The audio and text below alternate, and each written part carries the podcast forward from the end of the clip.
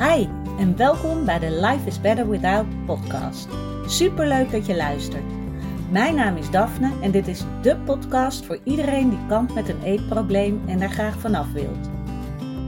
Als ervaringsdeskundige weet ik heel goed hoe het is om in jouw situatie te zitten, maar ik weet inmiddels ook hoeveel fijner het leven is zonder die eetstoornis. En dat gun ik jou ook. Daarom deel ik in deze podcast al mijn inzichten omtrent het herstellen van een eetprobleem. Ik laat je weten wat er bij mij wel werkte en wat niet. En ik sta open voor al je vragen. Als jij klaar bent voor een leven zonder eetstoornis, dan weet ik 100% zeker dat jij dat kan bereiken. Want als ik het kan, kan jij het ook. Welkom weer bij een nieuwe podcastaflevering van Life is Better Without. Fijn dat je weer luistert. En ik neem deze podcast een dag eerder op dan dat hij online komt. Meestal doe ik dat gewoon op de dag zelf, maar nu een dag eerder. Want ik heb de komende dagen, donderdag, vrijdag en zaterdag, een workshop Psychka. En ik ben heel erg benieuwd. Ik vind het altijd fijn om mezelf ook te blijven ontwikkelen. En ook mezelf nieuwe methodes aan te leren, zodat ik mijn cliënten, ik vind dat zo'n rotwoord, de vrouwen met wie ik werk, ook weer nieuwe methodes kan aanreiken. Omdat natuurlijk, ja, voor iedereen werkt weer iets anders. En in psychica ben ik heel erg geïnteresseerd, omdat dit echt een eenvoudige manier is om belemmerende overtuigingen aan te pakken op onderbewust niveau. En dat is wat je wil.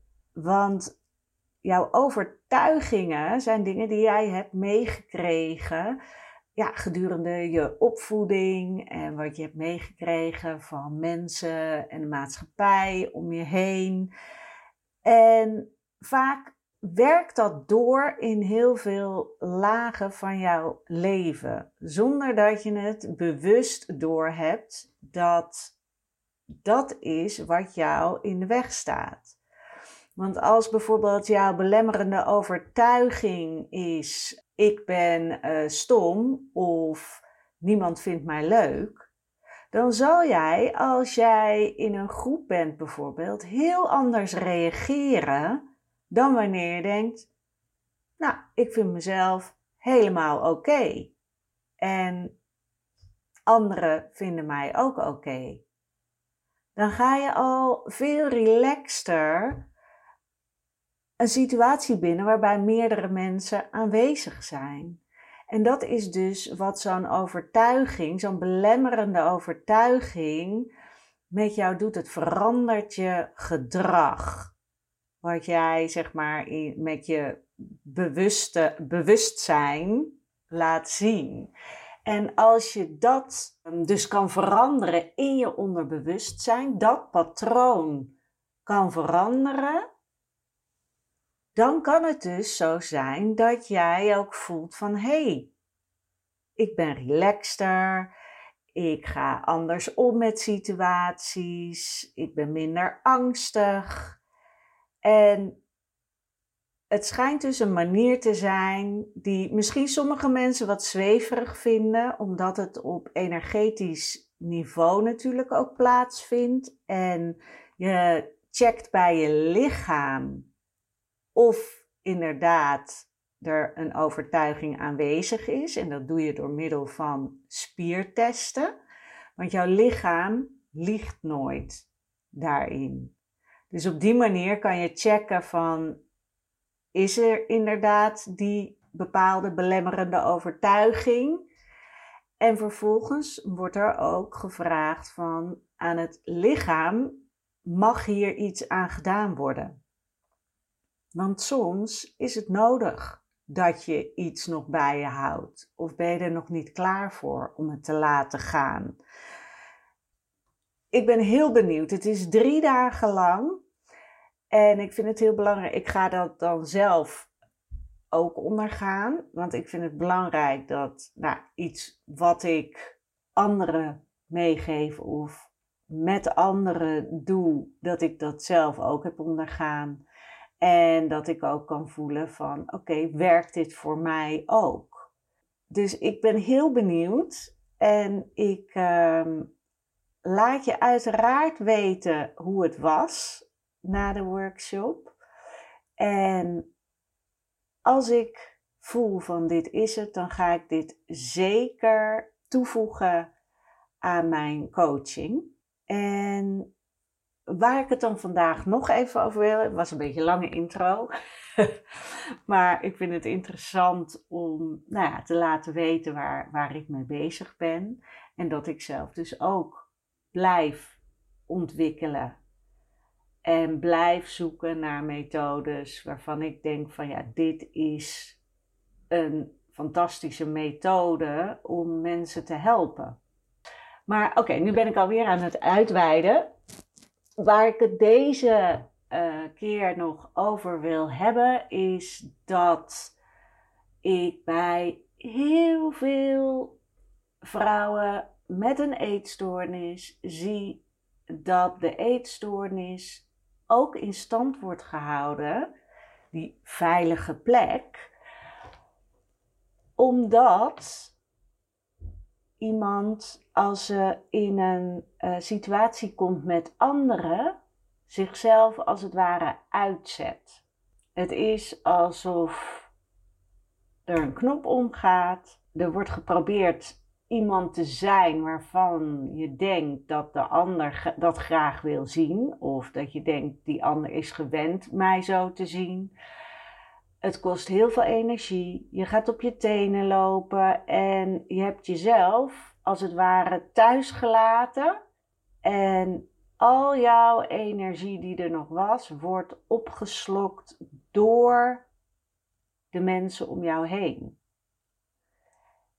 En misschien herken je dat wel.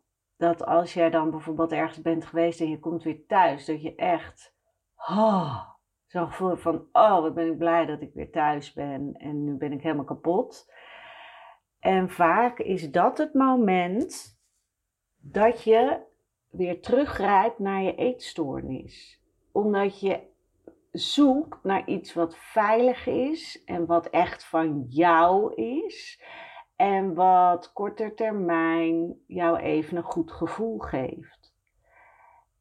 En 9 van de 10 keer in dit voorbeeld is het zo dat dat komt omdat jij jezelf niet meeneemt in het leven. Je zet jezelf on hold en stelt jezelf als het ware in, in dienst van de andere persoon. En dan voor de volle 100%. En dat is zo zonde. Het is als het ware, je gooit in jezelf een deur dicht en daarachter zit wat jij bent, maar dat mag die ander niet zien. Maar wat nou als jij altijd jij en jezelf mag zijn? En dat je dat altijd meeneemt. Ook op je werk of bij vrienden. Dat dat er altijd is. En dat jij zelf besluit wat jij wel en niet wil toelaten. En als je bang bent van, ja, maar dan komen mensen of te dichtbij, of ze gaan over mijn grens heen, of um, ze gaan dingen zeggen waar ik niet blij van word, omdat ik uh, anders ben dan normaal. Kijk eens of je voor jezelf een soort energetische bescherming kan bouwen om je heen. Zie het als een, als een doorzichtige wand die op, nou laten we zeggen, een meter, twee meter van jezelf afstaat. En binnen en dan helemaal om je heen. Dus in een cirkel om je heen en boven je hoofd ook. Dus een soort koepel. En daarbinnen is het van jou. Dat is jouw leven. Dat is jij met alles wat daarbij hoort. Vanuit jouw kern. En op die manier ga jij door het leven zodat als je dat voorstelt, dan zit er genoeg ruimte tussen jou en die persoon. En tussen jou en wat die persoon zegt. Je mag het ook zien als, als het ware als tijd. Je hebt genoeg tijd om te bedenken: oké, gaat dit over mijn grens heen of niet? Of, um, hey, wat zegt die persoon daar? Wat is mijn mening hierover? Dus zie die ruimte om je heen niet alleen als daar mag jij gewoon zijn, maar ook als tijd en afstand tot de andere persoon, zodat jij jezelf die tijd en ruimte gunt om erover na te denken. Wat die ander zegt en hoe jij wil reageren. Wat die ander doet en gaat het over je grens heen of niet. En bedenk dan ook heel goed, niemand komt in mijn bubbel hier. En daarmee wil ik dus niet zeggen, je bouwt een muur op. Nee, want het is een doorzichtige koepel. Maar het geeft je meer ademruimte als je jezelf dit inbeeldt. Dat jij hier mag zijn. Niemand staat te dicht bij je.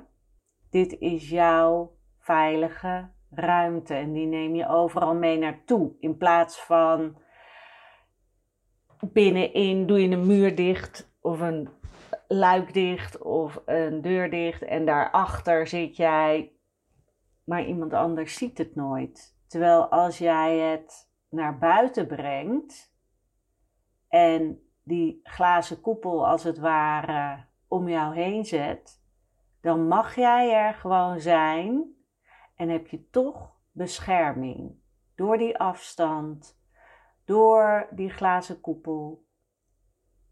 En dat kan je heel veel rust geven. Dus ga eens daarmee experimenteren. Wanneer jij naar je werk gaat, of naar een verjaardag, of naar je ouders, plaats jezelf eens voordat je daar naar binnen gaat in jouw koepel. Of eigenlijk zet je de koepel om jou heen. En dat mag dus energetisch zijn. Je mag je voorstellen dat het van glas is. Maar, uh, of uh, doorzichtige gordijnen. Kijk maar wat voor jou fijn voelt. En ga eens voelen of je op die manier beter bij jezelf kan blijven. En dat je ook jezelf mag blijven in plaats van jezelf uitzetten. Oké, ik hoop dat dit niet te vaag was. Misschien denk je wel, wat een woe, spiriwiri gedoe. maar het werkt echt om te voelen van ja, dit is mijn plek. En hier ben ik veilig met mezelf. En dan voelt het ook weer minder eenzaam, omdat je jezelf niet hebt achtergelaten ergens. Ik hoop echt dat je hem voelt. Want het is zo belangrijk dat jij jezelf overal mee naartoe neemt en laat zien en dat jij er mag zijn. En niet alleen wanneer je alleen thuis bent en eindelijk even op adem mag komen. Nee, altijd. Ga het proberen. En nou ja, als je denkt, ik kan hier helemaal niks mee, moet je het ook vooral laten natuurlijk. Um, want voor de een werkt het ene en voor de ander werkt het andere. Maar ik denk dat dit een hele mooie is om eens uit te gaan proberen. Ik uh, wens je nog een fijne week. En je hoort me volgende week weer. En dan uh, zal ik ook wat vertellen over de training Psychica die ik heb gedaan. Want ik ben heel erg benieuwd. Tot de volgende!